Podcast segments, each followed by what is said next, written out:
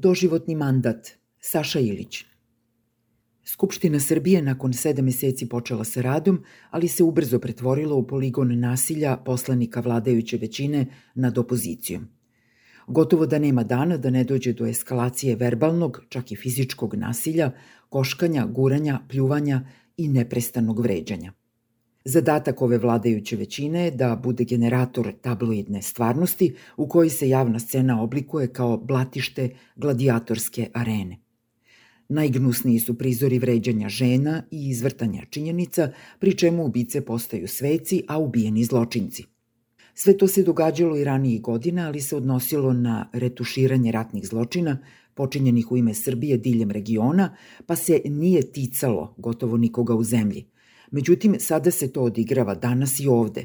Na sceni su vulgarne igre moći kojima se neki smeju, zanemarajući krajnje ozbiljne konsekvence pojedinih ispada. Slično se dogodilo i kada je poslanica SNS-a Draginja Vlk iznala svoju ozbiljnu dilemu. Naime, ona je to izrazila ovako – Nebrojeno veliki broj mojih prijateljica i mojih daljnjih rođaka mi je poslalo poruku nakon obraćanja predsednika da su izuzetno zadovoljne i zapravo su me pitale na koji način možemo da produžimo mandat našem predsedniku da vlada doživotno. Usledio je smeh iz redova opozicije, na što je reagovao predsednik Skupštine Orlić. Šta je smešno? Šta dobacuješ? Pa ne znam šta je smešno, konstatovala je mrtva ozbiljna poslanica Vlk u nastojanju da izloži dalje svoju najveću političku zapitanost. Zaista ovo nije bilo nimalo smešno, jer su pitanja nebrojenih prijateljica zapravo stigla na pravu adresu, u Skupštinu Srbije i na sto poslanice Vlk. Ko je u stvari poslanica Draginja Vlk? Neki mediji su vrlo brzo rekonstruisali osnovne tačke njene biografije. Završila je 14. Beogradsku gimnaziju, što s ponosom ističe. Studirala je politikologiju u Brnu.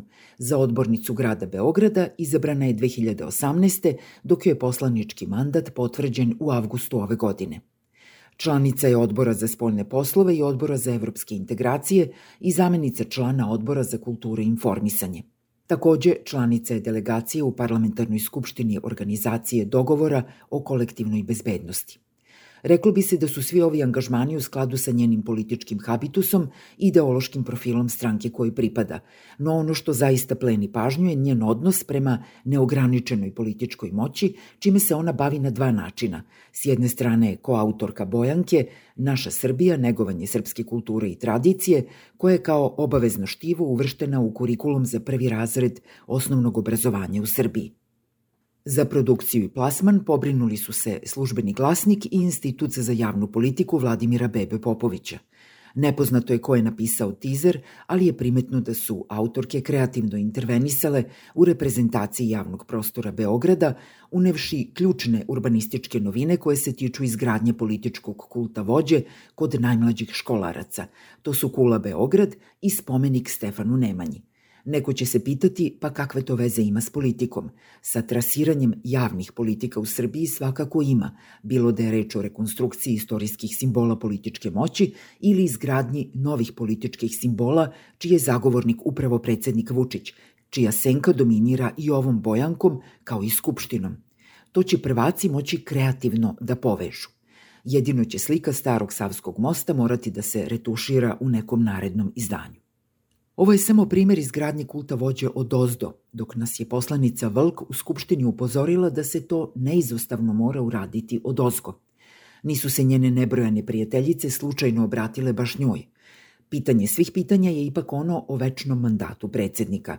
I to je moguće, odgovorila bi poslanica Vlk, koja je jedno vreme boravila u Rusiji, gde je dve godine pre Putinovog napada na Ukrajinu demonstriran politički proces proizvodnje doživotnog vođe. Naime, poslanica Vlk je u svojstvu međunarodne ekspertkinje bila posmatrač na referendumu za izmenu Ustava Ruske federacije, kojim je Vladimir Vladimirović sebi obezbedio mogućnost ponovnog kandidovanja i nesmetanog vladanja do 2036. godine, odnosno do svoje 84. godine života. To pitanje o doživotnom mandatu predsednika je u Ruskoj dumi prva postavila poslanica Valentina Tereškova, članica Jedinstvene Rusije, poznata i kao prva žena koja je letela u kosmos. Poslanica Vlk, koju nebrojene prijateljice mole za pomoć, nije letela u kosmos, ali je zato bila u Putinovoj Rusiji, gde je dobila sertifikat na kursu izgradnje autoritarnog sistema, kojim po zakonu vlada jedan čovek do kraja života – Mali osvrt na izazove i postignuća ruskog referenduma za izmenu ustava možda bi mogao da ponudi odgovore na pitanja koja zapravo ne muče nebrojene prijateljice Dragine Vlk, već samog Aleksandra Vučića. Poslanica Vlk je samo javno posredovala tu njegovu želju u parlament. U Rusiji je čak 70% građana glasalo za ustavne reforme koje su podrazumevale više stvari – Naime, Putin je pored stabilnosti i napretka predložio građanima da glasaju za brak kao zajednicu muškarca i žene, veru u Boga, kao i kaznu za odricanje od bilo kog dela teritorije zemlje. Isto tako Putin je postigao i to da mu se omogući kandidatura 2024. jer su ovim izmenama poništeni svi njegovi raniji mandati, tako da se u svoj ratno-osvajački pohod uputio kao neko sasvim nov, doduše opterećen starim mitovima i političkim kultovima, koji su se preko njegovih skulptora preneli i u Beograd. No čini se da poslanica Vlk nije u Beograd donela samo ideje za svoju bojanku, već i neka praktična politička rešenja za realizaciju doživotnog mandata. Saradnici predsednika veoma ozbiljno shvataju ovu njegovu narastajuću obsesiju. Po svemu što se u Skupštini može videti, jasno je da će vladajuća većina učiniti sve kako bi predsedniku obezbedila doživotnu vlast. U ostalom, Vučić je najveštiji u brisanju prošlosti, što je već jednom uradio. Sada će to pokušati da uradi ponovo, ali kroz institucije sistema. Čak i po cenu toga da dekadu od 2012. do 2022. proglasi najgorim periodom u novijoj istoriji Srbije, što će većina građana s pravom prihvatiti.